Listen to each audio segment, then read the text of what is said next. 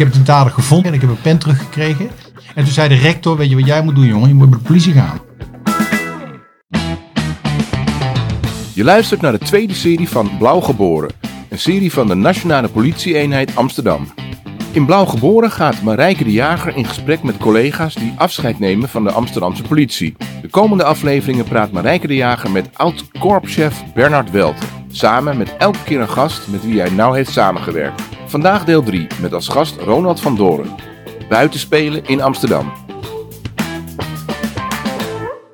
Bernard Welte en Ronald van Doren starten hun carrière als politieofficier bij het Korps Amsterdam. Het is 1980 en in alle steden, maar met name in Amsterdam, is er, overigens net als nu, sprake van een enorme woningnood. Maar in tegenstelling tot nu staan er talloze panden leeg in de stad. Die panden zijn eigendom van speculanten. Vastgoedhandelaren die de panden niet hebben gekocht voor bewoning, maar slechts aanhouden om te speculeren op verwachte prijsstijgingen. In die periode is er sprake van een zeer actieve kraakbeweging. Lege panden worden collectief, uiteraard zonder toestemming van de eigenaar, geschikt gemaakt voor bewoning. Het is vervolgens de politie die in opdracht van het bevoegd gezag die panden moet ontruimen. De jonge politieofficieren Bernard en Ronald staan de helft van de tijd buiten te knokken. Hoe hebben zij die periode ervaren? de periode dat de majesteit, de toenmalige majesteit gekroond werd, had Hanneke Groenteman riep op, uh, dit is geen tijd om te kronen, dit is een tijd om te kraken. Goedemorgen allemaal, hier zijn we weer. Een, een heel groot aantal minuten kroning vandaag uit Amsterdam. Ik zit in uh, café Chile. Het is uh, fantastisch weer hier in Amsterdam. Weer om te kraken, weer om te demonstreren. Ik vind het rottig weer om te kronen. Wat jij, Frits? Ja, het is... Uh... Ja, het is geen kroningsweer. Je moet echt een uh, druilerige regen hebben voor dat soort gebeurtenissen. Dat was die periode waarbij, waarbij we eigenlijk elke week dat er wel een pand gekraakt werd, dat dan vervolgens ook weer ontruimd moesten worden. Dus ik heb sommige panden heb ik drie keer, althans heb ik, deden we dan samen drie keer ontruimd, omdat dat een soort kat-en-muisspel was. Dat heeft echt een paar jaar heeft dat gespeeld. Dat je, dat je met regelmaat, ja wij noemden dat je, je schrijfmachine op zijn rug zetten. Dat is een beetje, zou je ja. de computer tegenwoordig niet meer kunnen. Maar dan zette je je schrijfmachine op, de typemachine op de rug. En dan had je je plunjezak achter je liggen. En dan trok je die aan en dan ging je de straat op. En, maar die plunjezak was omdat je lid van de ME was? Dat was je lid van de ME. Ik was Bratra-commandant heette dat in die tijd. Dat en is wat brand. doe je dan? Dan ben je van... Uh, dat noemden ze brand- en traangas. Maar eigenlijk was het niks anders dan een soort infanterist. Die moest zorgen dat panden vooral van boven naar beneden ontruimd werden. Dus wij lieten onszelf met hoogwerkers of met containers zelfs op dak zetten. En dan zagen we een gat in het dak. En dan ontruimden we van boven naar beneden. Het is een beetje omdat je bang was. Dat moest van boven naar beneden. Want een beetje middeleeuws had je pek over je heen kunnen krijgen als je dat van beneden naar boven deed. Dus je liet jezelf boven op het dak neerzetten. En dat, dat was een soort, uh, nou ja, de keren dat ik op uh, 25 meter hoogte door een dakgoot heb gelopen. Dat vond je in die tijd eigenlijk heel, heel gewoon. Uh, het hoorde er een beetje bij. Je hoefde thuis ook nooit te vertellen of in de familie of bij vrienden wat je aan het doen was geweest. Want dat was op het, dat was op het nieuws geweest. Er was weer een groot pad. En er was, er was tragens geschoten. Er waren rellen geweest. En, ja. en we liepen ook allemaal met het aantal jongens wat, wat hun gebit destijds verloren heeft. En, Vondelstraat. En de Vondelstraat. Ja. ja, dat was natuurlijk, daar is het begonnen, hè, de Vondelstraat. Op, ik denk even uit mijn hoofd, 28, 27, 28 februari 1980. Toen wordt dat pand gekraakt. Ja, en, dan wordt... en voordat je dat vertelt, eventjes uh, wat voor uniformen. Want jij zat ook bij de ME toen? Ik ben, uh, voor mij was, nee, ik zat toen nog niet bij de ME. Ik ben, voor mij heb ik het paradepeloton 81 gedaan. 81. En ik ja. 79, 3. Ja. Ja. ja. En wat voor uniform had je dan aan? Nou, dat was een soort, uh, uh, een soort werkpak, zal ik maar zeggen. Met een soort, uh, zo'n zo broek met van die grote zakken aan de zijkant. En had je kistjes onder je uniform. En, en, een, en een jas.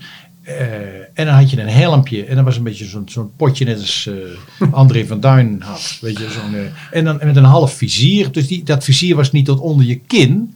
Mijn betere wederhelft is tandarts. En die, die het eerste wat ze deed was mij een gebitbeschermer in mijn mond. Want de helft van die jongens en meisjes die daar rondliep, die raakten door de stenen die ze naar zich toe gegooid kregen. Dus dat de, nauwelijks bescherming. Wat er wel gebeurde toen er zoveel dienders daar lichamelijk letsel opliepen, kregen we later kregen we zo'n ME, eh, ik zeg het ME, dat noem je dan ME, maar zo'n hockey, ijshockey-uitrusting. Dat je je schenen werden beschermd en dat je een schouderbedekking had onder je, onder je, onder je jas. Zodat als je een steen kreeg, dat het in ieder geval opgevangen werd door, door hard plastic in plaats van gewoon door je, door je vlezige botje. Hè? Want dat was het dan. In Wat voor geweldsmiddelen had, had je bij je? Wij hadden, wij, hadden, wij hadden natuurlijk gewoon een wapen bij ons. Hè, dat, dat droegen we wel bij ons. Maar wij hadden als Brata-commandant hadden we verder geen wapens bij ons. Want we, in een pand heb ik nooit meer hoeven vechten. Weet wel dat we ooit het pand op de Prins Hendrikkade augustus 1980 hebben ontruimd. Toen lieten we ons bovenop zitten. En er waren natuurlijk inmiddels alle krakers gevlucht. En op de eerste verdieping was er dan was via de Nicolaaskerk Ja. waren allerlei journalisten. Ik kwam daar later, heb ik met Geert Mak nog, die werkte destijds voor de Groene Amsterdammer. Die ben ik daar tegengekomen. We hebben er later nog om gelachen dat je, dat je elkaar daar hebt ontmoet. Radioverslaggever Bert Bakker zei er voor de VARA Radio dit over. Ja. Het laatste nieuws is dat de krakers vrijwillig het pand hebben verlaten inmiddels. En dat terwijl er een politiemacht van enkele duizenden ME'ers en marechaussees was opgetrommeld. En men ook met een aantal hoogwerkers het pand eh, zo'n beetje had ingesloten, ook vanuit de lucht. Er is alleen nog een aantal journalisten op dit moment in het pand. En die moeten wel door de ME worden bevrijd, want hebben ze zo net per megafoon laten weten, ze kunnen er niet uit. Want dan werd zo'n pand ontruimd, terwijl het eigenlijk al op één kraker na leeg was. Ja. Want die wisten natuurlijk wel, ze komen eraan, we moeten maken dat we, dat we weg. Nou, dat was ook een overmacht. Maar je had dus niet, je had dus niet, je had dus niet zelf wapens bij. Overigens in die serie, want het was wel serieus, had je, dan hingen er in van die, van die Icova-bakken, heet dat zo, hingen dus de BSB, die hingen met wapen, die, die, die zaten erin, die hingen voor dat pand. En als wij bekogeld zouden worden, zouden zij met scherp schieten om te zorgen dat wij in ieder geval veilig op dat pand konden landen. Er komen nu eh, pak een beet 30 eh, manschappen van de mobiele eenheid aanlopen. Die komen van om de hoek van de Prins Hendrikkade. Gaan nu met z'n allen die container in. Eén voor één gaan ze er nu in. Die container met, eh, ik heb je de afmetingen verteld, die wordt afgesloten. Zo direct. En die wordt dan omhoog getakeld. En die wordt dan weer op het dak gezet. En dat is dan de tweede lading. Ik schat dat het twee pelotons mobiele eenheid zijn. En dat eh, komt neer op een man of 30. Je hoorde een radiofragment van verslaggever Kees Grimbergen. Grimbergen bevindt zich op dat moment in een van de gekraakte appartementen aan de Prins Hendrikkade in Amsterdam. Hij is een van de journalisten die door de ME bevrijd moet worden. Dus de geweldsmiddelen waren ook wel. Vergis je over het niet, bij de Vondelstraat, dat kunnen mensen zich niet meer herinneren, maar daar hebben we met, met Leopard-dozers, mind you, gewoon tanks, hebben we eh, later, eh, in het begin van maart, hebben we de barricades daar gesleept. Ja. Over geweldmiddelen gesproken. Ja. Maar die BSB, wat is de BSB? Bijzondere, ik weet niet eens waarvoor het Ja. staat, bijzondere bijstand of. Er waren jongens en meisjes van de, van de marechaussee die speciaal opgeleid waren om... Kijk, de krijgsmacht was natuurlijk, die, die waren in het geweldmiddelenarsenaal veel breder uitgerust dan wij. Wij hadden een, een gummilatje, nou dat is van 30 of 40 centimeter, daar kon je niet zoveel mee. Hè, tegenwoordig is er pepperspray en er zijn tasers en dan weet ik het al niet meer. Maar wij hadden een wapen en een, en een, en een zo heet zo'n zo'n gummiknuppel Ja, dat in die tijd. als ME'er had je wel een lange lat. Had je een meer lange land. Ja, maar dat, een ja. meter. Ja. Maar, maar niet, meer was het niet. Dus toen het echt serieus werd, werd de krijgsmacht ingezet, ingezet om te kijken dat als het echt uit de hand liep, dan zou er ook met scherp geschoten worden. Daar werd ook voor gewaarschuwd. Bij grote ontruimingen. Hè, er werden pamflet- pamfletten uit helikopters gegooid. Van denk eraan dat u dit niet doet, want er wordt met scherp. hè, Als je erover nadenkt, wat een tijd. Maar dat ja, was de echt oorlog. kant, als je ik, dat- heb, dat- ik heb wel op de, de, de, de dingen gestaan, op het Rokin gestaan. Dat er zoveel, zoveel rotzooi was op het Rokin. Alle ramen lagen er overal uit. Dat je echt om je heen moest kijken, waar sta ik? En ik sta op een gegeven moment in de Leidse straat. En ik, wij hadden karabijnen bij van de, van de Bratra. Dus als je ingezet werd, niet om een pand te ontruimen, maar om... eh, dat, ik, ik heb op een Maar gegeven- om, niet om een pand te Nee, ontruimen. maar om, om, om, om, tra- om, om eh, krakers op afstand te houden. En dan schoot je dus met een, met een karabijn, met zo'n soort cola blikje leek het. Maar er zat traangas in. Dat schoot je op in die menigte. En dan zouden ze moeten, nou ja, dan zouden mensen zich moeten verspreiden. Maar ineens waren mensen zo dichtbij dat ik, dat, ja, ik, ik schiet laag. Ik raak iemand. Die zie ik zo pop naar achteren vallen. Ik denk, oh mijn hemel, ik heb iemand doodgeschoten. Ik was als een kind zo blij dat hij weer, dat hij weer opstond. het was wel, dat was wel, was allemaal wel heel gewelddadig allemaal. Hè. Dan, nu, nu zie je ook rellen. Nu zie je ook rellen. En er zijn soms echt heel erg rellen. Maar in die tijd had je echt, was echt een burgeroorlog. Hoor. Amsterdam was echt niet vredig in die periode. Maar van, van twee kanten, hè? want inderdaad, je hebt het over de Prins Hendrikkade. In die grote uh, groot aan de voorkant stonden oude televisies, wasmachines. Om naar ons te gooien. Om naar beneden te kieperen als we ervoor stonden, ja. Als je nu Amsterdam ziet, je kan er heel veel commentaar op hebben, maar het is ontzettend mooi vergeleken bij toen. Ja, weet je, ik Hoe zag bijna het de, eruit Nou, toen? zeg je vertellen, de straten lagen lopen. Ik heb, ik weet, ik, nee, maar Amsterdam heeft, zolang ik, zo- zolang ik daar gewerkt heb, heb ik het idee dat er iets open lag. En als er iets open lag, wil dat ook zeggen dat er bergen stenen klaar liggen. Dus die krakers die hoefden in die tijd eh, de stenen niet eens meer uit de grond te halen, want die lagen klaar om mee te gooien. Het enige wat ze deden was de stoeptegels op een ander stuk steen kapot gooien, zodat er mee te gooien was, zal ik maar zeggen.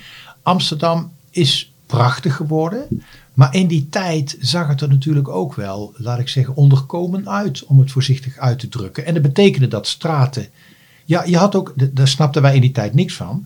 Maar er waren straten die gingen week A gingen ze open, dan werden dichtgelegd. En in week, week B gingen ze weer open. Dan denk ik, waarom? Maar dat was niet het begin van coördinatie in die periode. Dat het misschien verstandig was om waterleidingen tegelijk aan te leggen met elektriciteit. Dat werkte allemaal onafhankelijk van elkaar. En wij waren daar wel een beetje dupe van.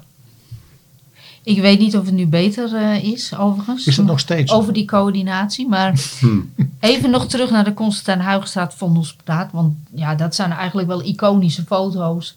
Dat, was, nou, dat leek inderdaad wel Oorlog. wel oorlog. Schoongeveegd worden met behulp van.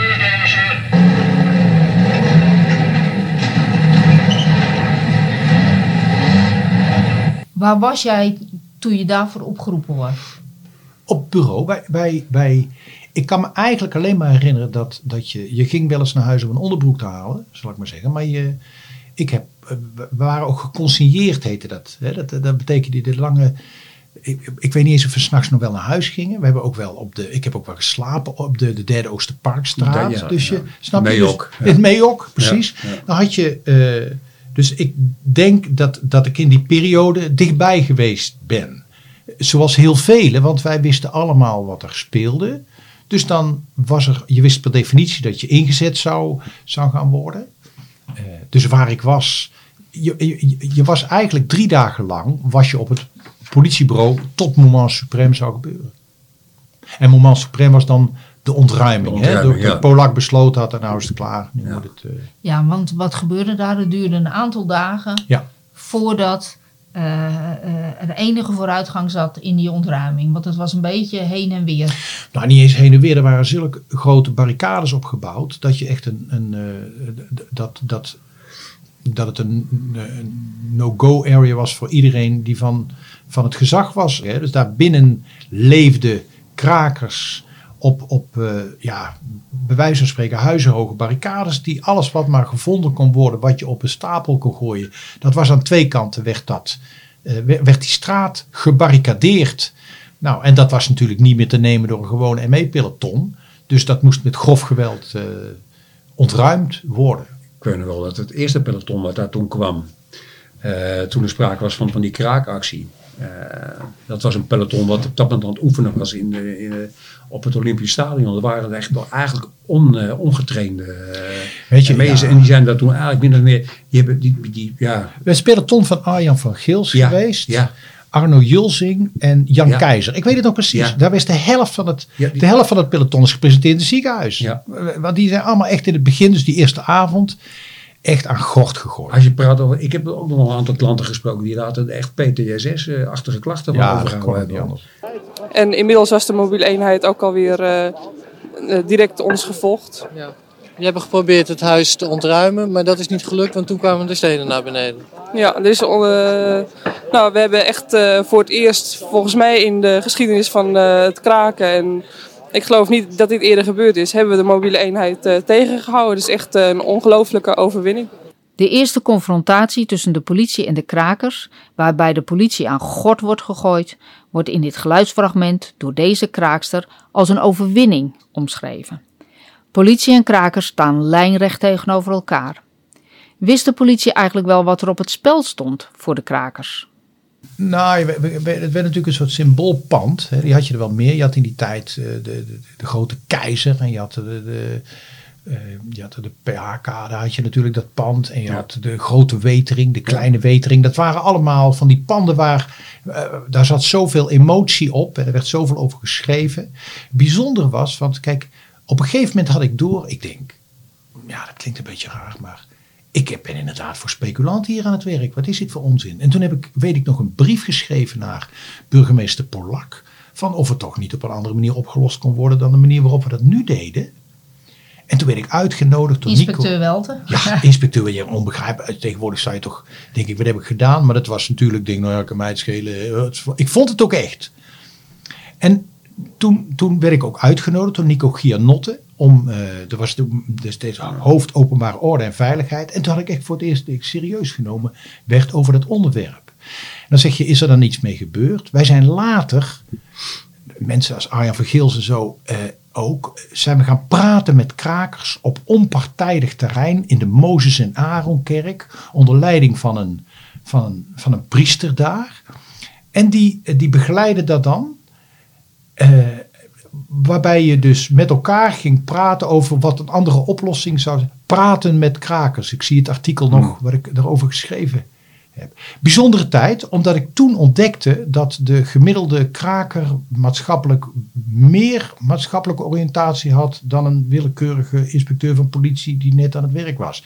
Je bent eigenlijk relatief wereldvreemd en je hebt in het begin niet in de gaten waartoe je gebruikt bent geworden. Ja. Ik moet dan denken aan onze inzet in Nijmegen toen. Nou ja, Was jij eh, er ook bij? Dat ging uiteindelijk ging dat, dat had om ontruimingen en de sloop van een wijkje. Omdat er een parkeergarage eh, eh, moest komen. Nou, daar zijn een aantal mensen goed ziek van geweest achteraf. Ja. Maar het was, wel van het was wel de periode dat ik voor het eerst mezelf echt realiseerde van ja, maar er is woningnood en die mensen die kunnen niet anders en die moeten wel. En het is eigenlijk voor alleen maar voor het grote geld. En eh zo'n omkeer in denken geweest hoor, van mijn gevoel. Voor jou ook? Was dat ook voor jou? Dat je toen Ja, het, dacht... het Dus de moment, Piers- de ja, Piersonstraat. Ja, ja, ja, ja, ja. dat was wel een beetje dat moment. eh, want ja, weet je wat, ehm, wat, ik, wat ik van de kraakbeweging ook wel zag, dat ook, ook daar, aan de, dat, dat, dat sloeg ook helemaal de verkeerde kant op door. Hè?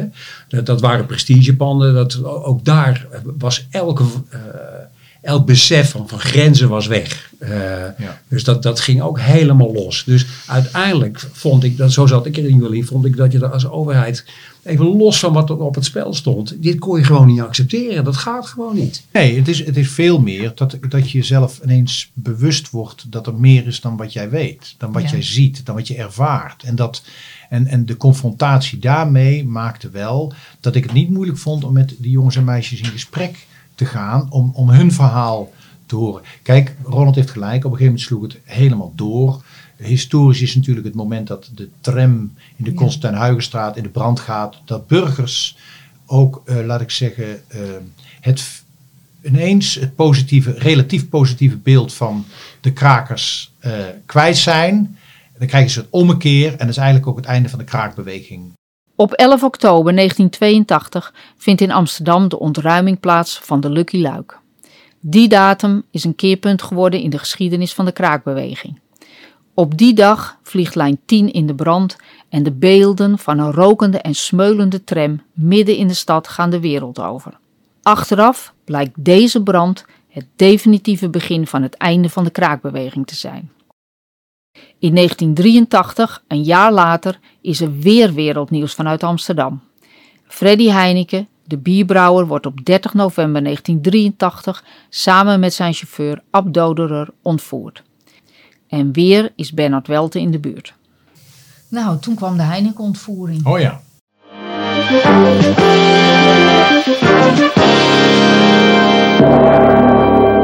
Freddy Heineken, hij is voorzitter van de raad van bestuur van de brouwerij en zijn chauffeur zijn vanavond ontvoerd. Rond 7 uur zijn ze in het centrum van Amsterdam door onbekende gemaskerde mannen in een bestelbusje gesleurd en meegenomen. Want dan, Bernard, raak je opeens betrokken bij een zaak die onderdeel is geworden van onze nationale geschiedenis. De Ja. ontvoering van Heineken en Doderer. De ontvoering vond plaats op 9 november 83. Het duurde ongeveer drie weken. Het is eh, bijna 40 jaar geleden en het spreekt nog tot een verbeelding. Eh, hoe raakte je erbij betrokken? Ehm, ik werkte destijds aan het stafbureau van de recherchedienst, heette dat. En ehm, toen Heineken ontvoerd werd op die bewuste avond ben ik gebeld dat ik naar het bureau moest komen omdat er een secretaris van de beleidsstaf moest komen. En, en het was eigenlijk het beslissende, de, de club van, van bazen, maar ook mensen uit van Heineken zaten daarbij. Die moesten nadenken over wat de scenario's zouden zijn, op welke wijze dat de zaak aangepakt zou, eh, zou worden. Er waren politiechefs als destijds, eh, met name Kees Sietsma was eigenlijk de operationele baas in die, in die periode. Maar er zat natuurlijk ook het Openbaar Ministerie zat daarbij aanwezig. En al die vergaderingen, die moest, daar moest verslag van worden gedaan. En dat, dat, dat deed ik. En eh, nou ja, dat was natuurlijk is drie weken lang. En het was heel spannend om de dood reden dat er natuurlijk regelmatig ingebeld werd. En je zat, ja, later is er een televisieprogramma van gemaakt. Je zat echt met je bovenop het nieuws. Hè? Je wist alles, je hoorde alles. Sterker nog, wat er gebeurde, schreef jij op. Niet in procesverbaal vorm, maar waarom wel of niet een bepaalde beslissing genomen werd. En zo ben ik daar ingerold. Eh, en na drie weken zei Kees Siesma tegen mij, eh, samen met Gert van Beek, dat op het moment dat, dat we ze gaan bevrijden, dan heb ik graag dat jij zelf over, eh over Doderig eh, ontva- ontfermt. Maar je gaat nu heel snel, want nu ben je al bij de ontknoping. Maar nog heel even terug naar ehm, die beleidsstaf. Ja. Ehm, die kwamen elke dag bij elkaar, Zeker, twee keer per dag. twee keer per dag. En ehm, eh, waar zaten ze op het hoofdbureau van politie? Elandsgracht. hè? Ik zou bijna zeggen daar. Maar Ja? maar- maar- nee, dat, die, die zat op de, eh, op de eerste verdieping eh, aan de kant van de binnentuin. En ehm, daar zat de beleidsstaf en het rechercheteam zat daar omheen of zat eronder. Nee, dat zat er omheen. Er waren allemaal, in die tijd waren dat allemaal verschillende rechercheafdelingen waar in die tijd iedereen met dezelfde zaak. Dus iedereen leed alles uit zijn handen vallen natuurlijk. Iedereen was met dezelfde zaak bezig. Geen mobiele telefoons, geen computers. Hoe werd nou die informatie verwerkt die de hele dag binnenkwam? Of het nou het observatieteam was, of eh, de, de, de tips, of de telefoon. Of hoe hield je toen overzicht daarover? Ja, dat is een goede vraag. Want kijk, je deed in die, in die tijd maakte je natuurlijk altijd, wij noemden dat een dagrapport. Dus dat was ook, de brigadier deed dat ook aan de politiebureaus. Dat werd in de schrijfmachine gedraaid. En dat betekende dat op dag, datum, tijdstip, hè, dat zit er een beetje in, gebeurde het volgende. En dan had je een kopje en dan begon je te tikken. En dan was een soort tijdlijn waarbij de hele dag iemand zat te tikken. Gebeurt dit, gebeurt dit, gebeurt dit, gebeurt dit. En, en wat je dus deed, als je wilde weten wat er gebeurd was de afgelopen 24 uur, dan pakte je het dagrapport erbij en dan ging je zitten lezen wat er de afgelopen 24 uur was, was gebeurd. En, en, en daarnaast had, maakte ik de verslagen van, de, van, van datgene wat er besproken was binnen die beleidsstaf. Maar elk, elk rechercheonderzoek, daar werd alles in procesverbaal vastgelegd. Dus eh, op de dag, datum, tijdstip eh, verklaar ik, eh verbalisant hatseflats, eh het volgende. En dan kreeg je dus een verslag. Dus iedereen zat ook wel veel te tikken en veel te lezen van wat er... En je kon niks opzoeken. Dus je moest het allemaal lezen, omdat je niet kon... Je kon niet een trefwoord ergens, want dat begrip kenden we natuurlijk nog niet. Nee, Google kenden we nog niet. Dat kon allemaal niet. En hoe, hoe was de sfeer? Fantastisch. Vertel. Ja, weet je, dat was natuurlijk. Kijk, dat was echt een jongensboek. Want je, je, je, op een gegeven moment werd er ingebeld. Hè, dan had je hierboven, volgens mij zat het inderdaad hier op de eerste verdieping. Had je, eh, had je ruimtes waar, eh, waar allerlei bandrecordertjes in kleine hokjes stonden. En als er dan werd ingebeld naar een bepaald nummer, dan ging die recorder die ging lopen.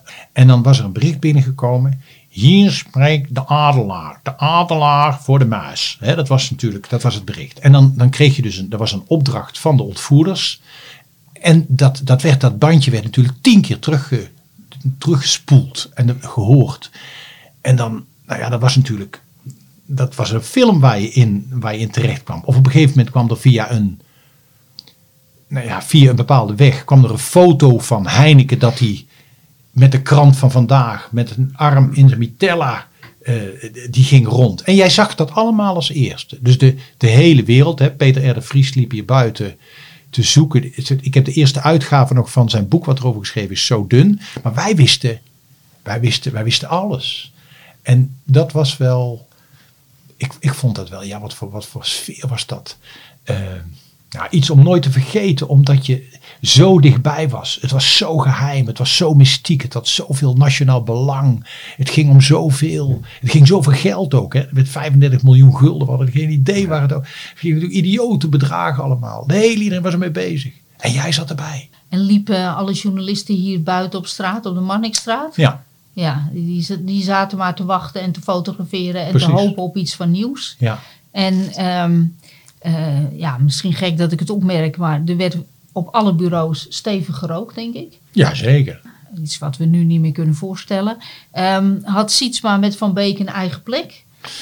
Of was het beleidscentrum... eh, maar Sietsma, kijk, Sietsma was de baas. Ja. Daar was geen enkel misverstand over. Maar Gert van Beek was, eh, eh, die leidde destijds in die tijd een rechercheafdeling. En werd, werd gezien als degene die, die met hem samen. Maar eh, uiteindelijk was het veel meer. Hè.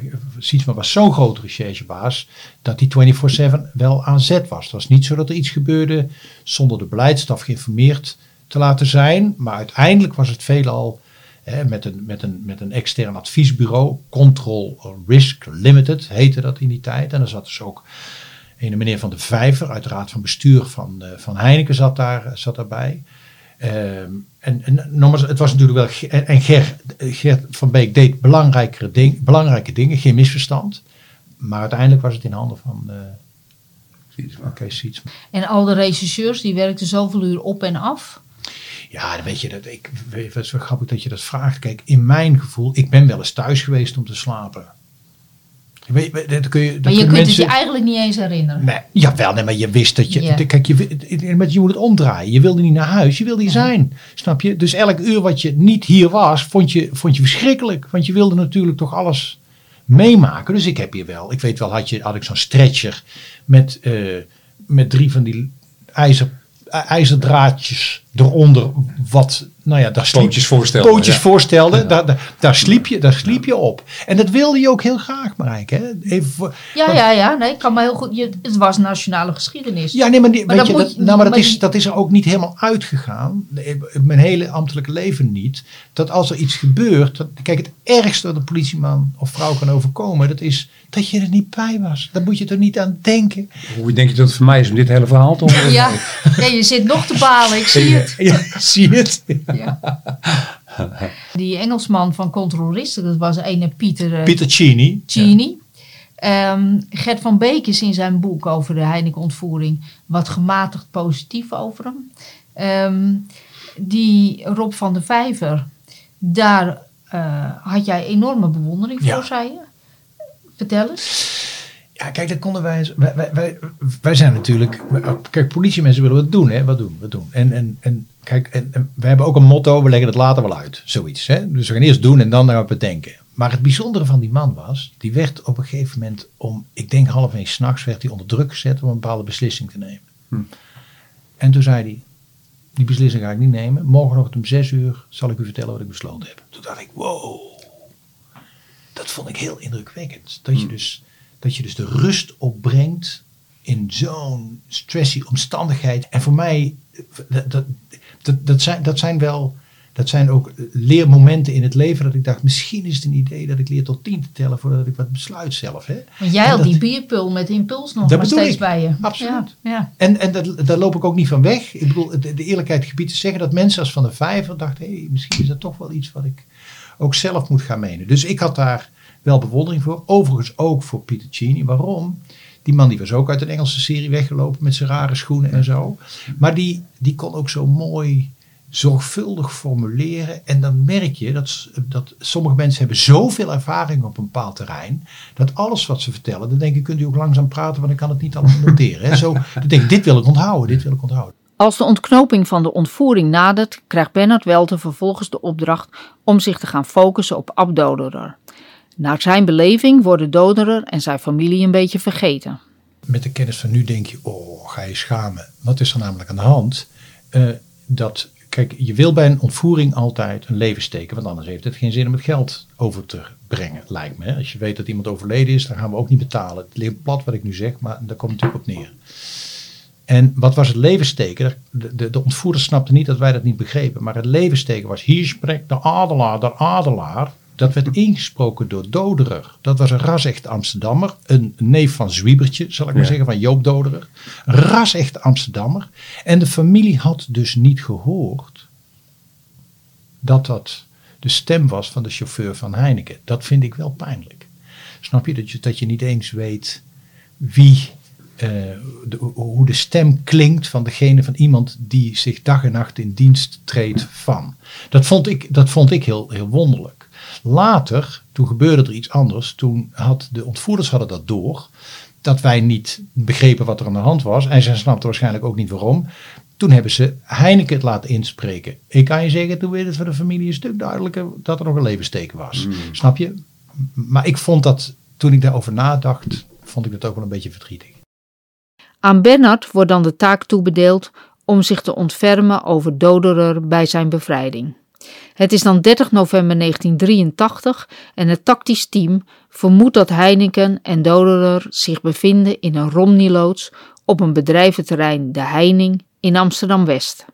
Johan van Kastel, destijds net benoemd als chef observatie van de Amsterdamse recherche, vertelt over de ontdekking van de verblijfplaats van Heineken en Doderer Ik werd aangesteld als eh, chef van het eh, observatieteam. Van de volgploegen, zeg maar, van de Amsterdamse politie. En die speelde bij de, eh, bij de ontvoering van Heineken en Doder een hele belangrijke rol. Om, eh, ja, om te achterhalen van, eh, goh, waar zouden ze kunnen zitten? En, en wie zijn mogelijk de verdachten? Wat ik eigenlijk een van de mooiste observaties wel vond in die, in die hele periode was... zeg maar, het, het, die ons heeft geleid naar de verblijfplaats van Heineken en Dodro. Want er was namelijk dat er twee van de ontvoerders, die reden een autootje in Amsterdam-West en die gingen naar de Chinees om eten te halen. En eh, de jongens van het observatieteam die zaten erachter en een van die observanten stapte ook die Chinees binnen om even te luisteren van wat, wat gebeurt er. En die hoorden dat ze twee porties Chinees eh, bestelden. Eentje met iets met garnalen en de ander was uh, babi pangen.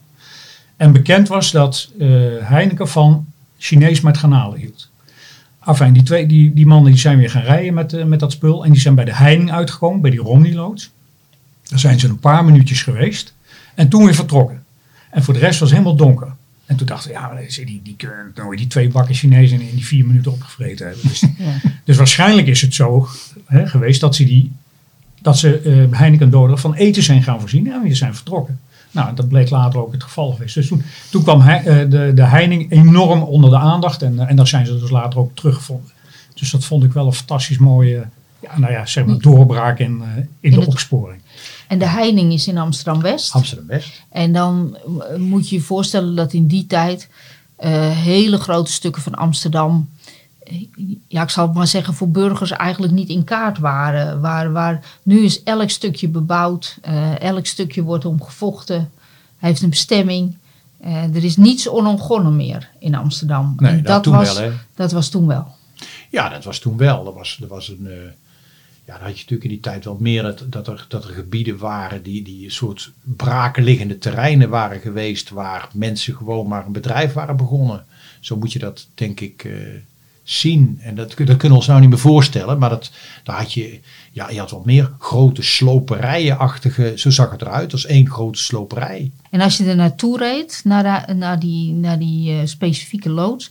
dan was je eerst in een soort niemandsland, denk ik. Zo stel ik me het me voor, ja. voordat je dan bij de heining kwam. Ja, dat was natuurlijk in het donker. Hè? Dus op het moment dat, dat, dat wij aan op mochten rijden, zoals dat heet. Hè? Dus ik zat er in de auto met, met twee. Uh, twee race Dolph Wieting, weet ik nog. En uh, van ja, je, je mag nu, mogen nu komen. En dan, dan werd je dan het. Ik zat, ik weet nog, achterin in die auto en ik mocht daar naartoe rijden. Als je dan vraagt wat was er buiten te zien, zeg ik geen idee, want het was hartstikke donker. Het was natuurlijk s ochtends om uh, vier, vijf uur dat we ze, dat we ze daar uh, bevrijd hebben, om het zo maar uh, te zeggen. In eerste instantie was men nog een blinde muur gelopen in die Romney-loods. In eerste instantie werd niet gevonden van, hé hey, wat raar, waar zitten ze nou? Maar op een gegeven moment werd die geheime deur gevonden. En toen ben ik met Gert van Beek, die zich over Heineken zou ontfermen en ik over Doderer. En ben ik daar binnen gegaan. En, en, ja, ze hebben ze, toch? Ze, ze hebben ze. Ja? Toch wel? Ja, ja. Bingo. Bingo. In het westen. Ja, we hebben meegeluisterd. Helder. Ja, dan kom je daar binnen een klein gangetje en alles is eh, waar twee cellen ingebouwd zijn. In, in, dus aan twee kanten van, aan de, tegenover elkaar twee cellen waar de boel, een boei uit de, eh, eh, handboei uit de muur, in de muur gemetseld was en een matras en een chemisch toiletje.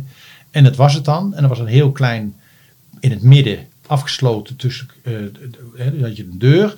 En tussen die twee deuren zat een soort kleine pantry. Waar de ontvoerders dan koffie maakten of iets warm maakten op een plaatje. En dat, dat kregen dan respectievelijk Heineken en Doderer om, eh, om te eten en te, te drinken. En, en wij hebben die deuren opengemaakt. En nou ja, ik was dus de eerste die Doderer zag.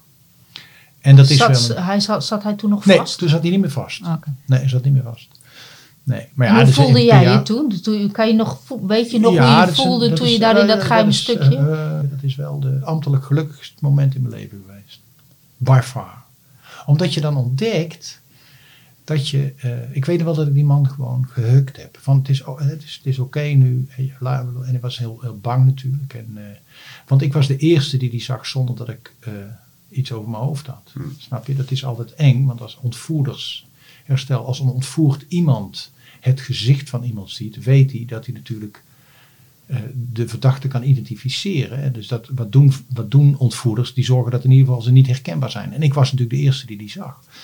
En dat was wel een, dat is een, een mooi moment, noem het een mooi moment, omdat je dan iemand eh, zo gerust kunt stellen en zo fijn dat het zo goed is afgelopen. Ja, wat wil je natuurlijk als politieman nog meer? Ja, dan je toch, hè, dat is toch bijzonder. En, eh, en ik heb daar wel, ik heb daar wel hele mooie herinneringen. aan. Jij bent ook meegegaan met Doderen toen naar het huis van Heineken? Zeker. Ik heb, weet nog wel eerst dat, dat op een gegeven moment, we- liepen weg en toen trok Heineken trok me mee eens een, een toilet in. eh, want hij wilde niet meer alleen staan plassen. Dus eh, dat, ja, mensen willen niet meer alleen zijn. Willen, en toen zijn we naar de Heining gegaan. Dat vond ik ook wel, of naar de, de, de Ark, hè, dus de woning van, van Heineken in eh, Noordwijk. Ja, en wij zijn in eerste instantie naar Van de Vijver thuis. Nee, dat is niet waar. Naar Van Schaik gegaan. Van Schaik was eh, lid van de raad van bestuur ook van Heineken in Wassenaar. Daar heb ik Doderer in bad gedaan. Die man had nog nooit in een bad gezeten. Dus die ging op zijn knieën zitten, weet ik nog. En die, die heb ik gewassen. Hebben we gewassen. Want die was natuurlijk drie weken zich niet gewassen. En die pyjama uit en weer gewone kleren aan. En toen, dat, toen zijn we daarna achterin een klein bestelbusje met tuinstoelen zijn we gereden onopvallend naar de Ark in Noordwijk. En daar, nou ja, daar, eh, daar kwam je in een soort dynasty-wereld kwam je dan binnen, zou ik maar zeggen. Zo moet je dat voorstellen. Ja. Ja, heel bijzonder. Het is uiteindelijk een tip van buiten, tip 547, die de recherche van Amsterdam op het spoor zet van de ontvoerders en daarmee de plek waar zij de gijzelaars verborgen houden. De ontvoerders, waarvan Cor van Hout, Willem Holleder en Frans Meijer de bekendste zijn, kwamen totaal niet voor in de politieregistraties. Recherchechef Gert van Beek noemt de tip geluk, maar spreekt ook over het afdwingen van geluk door alle activiteiten die toen al door de politie waren verricht. Kijk, iedereen werd gevolgd in die tijd. Dus iedereen die maar op een verdacht lijstje stond. En die, werden, die werd gevolgd. Hè. Dus het observatieteam kregen die achter zich aan. Die werden er zo ziek van. Dat, eh, dat, dat, dat iedereen begon te praten in het circuit. Hè. Er ontstond ook een soort pressure cooker. Van, hè, dus criminelen hebben heel snel in de gaten dat ze gevolgd worden natuurlijk. Van potverdomme, ik word, ik word achtervolgd. Is dat vanwege dat? Dus daar werd natuurlijk ook over gesproken. En Gert heeft gelijk, er werd natuurlijk zoveel eh, ondernomen om het boven water te krijgen wat er aan de hand was. Tegelijkertijd was die tip ook wel een mazzeltje. Ik zie nog de regisseur binnenlopen. Ja, ik zie hem ook binnenlopen en zeg, we hebben nou iets, dat is, eh, dit, dit is hem. Dit is hem. Dit, weet je dat, dit is hem. En toen wisten we dus waar, waar ze zaten. Toen hebben we ook nog mensen eerst, er zijn uit uit Ierland gekomen. Hè. Destijds had je de narigheid met de IRA. We hadden natuurlijk tegenwoordig allemaal veel meer sophisticated afluistermethoden. Maar toen zijn er dus mensen ingevlogen om toch vooral te luisteren achter die Romney-loods. Of er ook inderdaad iets te horen was. En toen hoorde Ja, en dan eh, wa- was dat de Ierse politie die veel ervaring, dat Precies. bedoel je te zeggen. Hè? De, te de, de IRA was natuurlijk een, ehm, ja, eh, een terroristische organisatie, Zeker. zouden we het nu noemen. Eh, en daar was veel meer ervaring. veel meer ervaring. En dat, dat ja, die werden natuurlijk, eh, en, die- die, hebben ook wel geïdentificeerd dat er geluid was. Hè. Radio Caroline werd de hele dag en nacht ge- gedraaid in mijn herinnering. En, eh, en toen wisten we ook dat, dat, dat daar iets aan de hand moest, moest zijn. Dus op een gegeven moment was het ook, ja, toen waren we het geld kwijt. Zal Gert van Beek ook wel geschreven hebben dat de helikopter, dat, dat, dat op het moment dat het geld werd overgebracht, eh, dat de camera afbreekt van de, van, van, van de helikopter. Ineens 35 miljoen gulden kwijt. Toch een beetje vervelend. Maar toen wist men ook wel, jongens, we moeten nu snel handelen. Want anders dan, eh, dan, gaat het, eh, dan, dan zijn we en de daders kwijt, het geld kwijt. En we weten nog steeds niet. Dus, dus toen hebben we een instap gemaakt, zoals dat heet. He- heeft die ontvoering, heeft die nou nog eh, geleid tot, tot wijzigingen in het recherchewerk? Heeft dat nog invloed gehad op hoe de politie daarna recherchewerk is gaan doen? Ik overvraag me. Dat zou ik niet weten. Ik weet wel dat ik in ieder geval, want ik heb zelf nou, 10, 20 ontvoeringszaken gedaan in mijn leven, dat ik wel het scenario denken heb ik daar geleerd. En het scenario denken komt er kort gezegd op neer dat als je een beslissing neemt over in een ontvoeringszaak, dat je altijd zegt, nou, het gaat ons om het leven van degene die ontvoerd is. Het tweede is de aanhouding van de verdachte. En het derde is het terugbrengen van het geld. En elke beslissing die je neemt, die weeg je af op basis van, je hebt ook allemaal subscenario's, maar dat je altijd, dat je dus niet heel impulsief zegt, ja, maar dan hebben we het geld of dan hebben we dit. Altijd in, oh, wacht even. Loopt hiermee degene die ontvoert is een risico? Ja, dan doen we het niet. Weet je, dus je moet, je moet pellen. Moet pellen. Dus dat denken, waarschijnlijk had Sietsma dat al lang ontwikkeld. Maar voor mij, hè, als jonge hoofdinspecteur in die periode, was dat wel een leerzame tijd. Maar ik, weet, ik durf niet in generale zin te zeggen of, of wij anders, anders zijn gaan. Dat weet ik niet meer. Maar Waar was jij, Ronald? Jij was in blauw. Ik was toen in blauw, ja. ja. Wat kregen de blauwe mensen mee van die ontvoering? Eigenlijk niks. Want rechercheonderzoek, behalve wat Zo uit de pers. niks. Dit, dit, dit, dit- ik wist wel dat het speelde, maar het, het, eh, de, hele politie, politionele kant ervan is voor een belangrijk deel aan mij voorbij gegaan. Ja, ja dat klopt. Ja. En was de hele centrale recherche ermee bezig? Wat je nu centrale recherche zou noemen, maar, maar in die tijd was dat autodiefstallen, heling, ernstige delicten. Dat waren natuurlijk allemaal aparte hokjes met Ja, mensen die ja, ja, ja. met een bepaald, ja ik, ik zeg het er maar bij, dat is een groot verschil met hoe het er nu uitziet. Hoe zou je de, ja, toch die samenwerking met de, met de vertegenwoordigers van de Heineken, van de familie, het concern, hoe zou je die samenwerking achteraf noemen? Als je er nog op terugkijkt. Professioneel.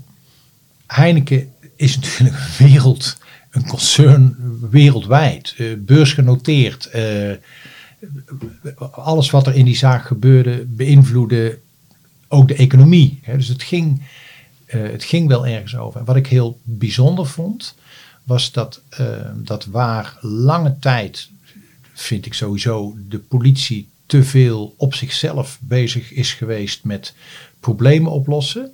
Hè, van dat, dat, dat, dat, dat burgers buitengesloten werden. Veel te lang gebeurd. Dat dat eigenlijk voor mij het eerste moment was zichtbaar, duidelijk. Dat je altijd een alliantie aan moet gaan met een partij die net zo betrokken is als, jij. Dus, en, en de vraag is alleen, hoe doe je dat dan? Hoe kan je informatie delen? Zeg, zoek er een oplossing voor. Maar zeker vandaag de dag vind ik het echt onzinnig om te denken dat je als politie alleen met veiligheid bezig kunt zijn. Dat moet je veel breder oriënteren. Niet alleen met andere overheden, maar ook met bedrijfsleven. Hoe doe je dat? En was het dan aan Sietsma dat hij de familie hier nu bij betrokken? Of was dat, ja, kon dat gewoon niet anders? Nee, kon niet anders. Kon niet. Wat ik al zei, dit, dit, ging, dit ging om meer om dan, dan alleen een rechercheonderzoek. Dit had ook gewoon te maken met een concern wat idioot grote belangen had. Bovendien, vergis je even niet, mevrouw Heineken bedoel, ging, en, en de dochter van Heineken, het ging natuurlijk ook om een familie die zelf ook wat wilde te zeggen. En dat waren natuurlijk ook niet de eerste de, waren natuurlijk de eerste de beste. Ik heb ook wel Heineken, of, eh, ontvoeringen gehad, waarbij je dat als politie helemaal alleen deed. Maar in, de- in deze zaak was het niet meer dan vanzelfsprekend dat eh, een deel van de tijd is er ook iemand gestationeerd geweest op de ark of in het woning van als daarna gebeld werd, dat dat ook het goede antwoord. Dus er was wel een, echt een, een, samenwerking met de familie en met het bedrijf. Bijzonder is natuurlijk ook dat we zijn nu eh 40, 50 jaar verder. 40. En het blijft maar eh, tot de verbeelding spreken. Johan van Kastel zegt hierover. Het was ook heel bijzonder. Het was natuurlijk een van de, was niet de eerste, maar wel een van de grote eh, ontvoeringen in, eh, in de Nederlandse geschiedenis in ieder geval. En, eh, en Heineken was natuurlijk een, een, een wereldberoemd eh, eh, ondernemer, hè, wereldbekend ondernemer, een wereldmerk. Ehm, ja, en we, we hebben heel veel eh, in de internationale sfeer ook opgehaald aan kennis en informatie. Dus dat, dat he- heeft er toen wel toe gedaan. En, en alles kwam ook in de media, dus dat heeft eh, eigenlijk het land wel wekenlang ja, bezig gehouden. Ik had het eh, ehm, hiervoor even over nationale geschiedenis. Ehm, op het moment zelf besef je het niet. Heb je het later wel beseft van dit is een onderdeel ervan? Kijk, achteraf kan je, de- zal iemand dat zeggen. Jij zegt dat nu. Maar je moet je realiseren dat je zo dicht op het schilderij zit. Daar heb je helemaal geen tijd voor en, eh, om, over na, om erover na te denken. Dus dat ben je allemaal niet bewust. Overigens dat wel, dat, dat trek ik ook door. Er zijn wel meer grote dingen, of dat nou de Belmeramp is, of het is Robert M., of het is de IRT-affaire. Dat zijn allemaal hele grote dingen die later misschien. Maar als jij erin zit, nou terug naar Kuiper, de vis in een kommetje is de laatste die zich realiseert dat hij dus zwemt. Dit was deel 3 van Blauw geboren met Bernard Welte. In de volgende aflevering praat Marijke met Bernard Welte en Johan van Kastel over de IRT-affaire. Op 7 december 1993 kwam een persbericht naar buiten dat het gezamenlijke rechercheteam Noord-Holland-Utrecht zou worden opgeheven. Van Kastel was de man die eiste dat een omstreden opsporingsmethode zou worden beëindigd. Welten was destijds zijn baas. Hoe zij deze periode hebben ervaren, hoor je in de volgende aflevering. Waar het gaat om, om die serieuze aantijgingen van dat lekken of corruptie, is nooit wat van gebleken. Nooit boven tafel komen. Werkelijk nooit. Geen ene letter ervan. Deze podcast werd samengesteld en gepresenteerd door Marijke de Jager. Montage Mano Barten en redactie en eindregie door Gerrit de Jager.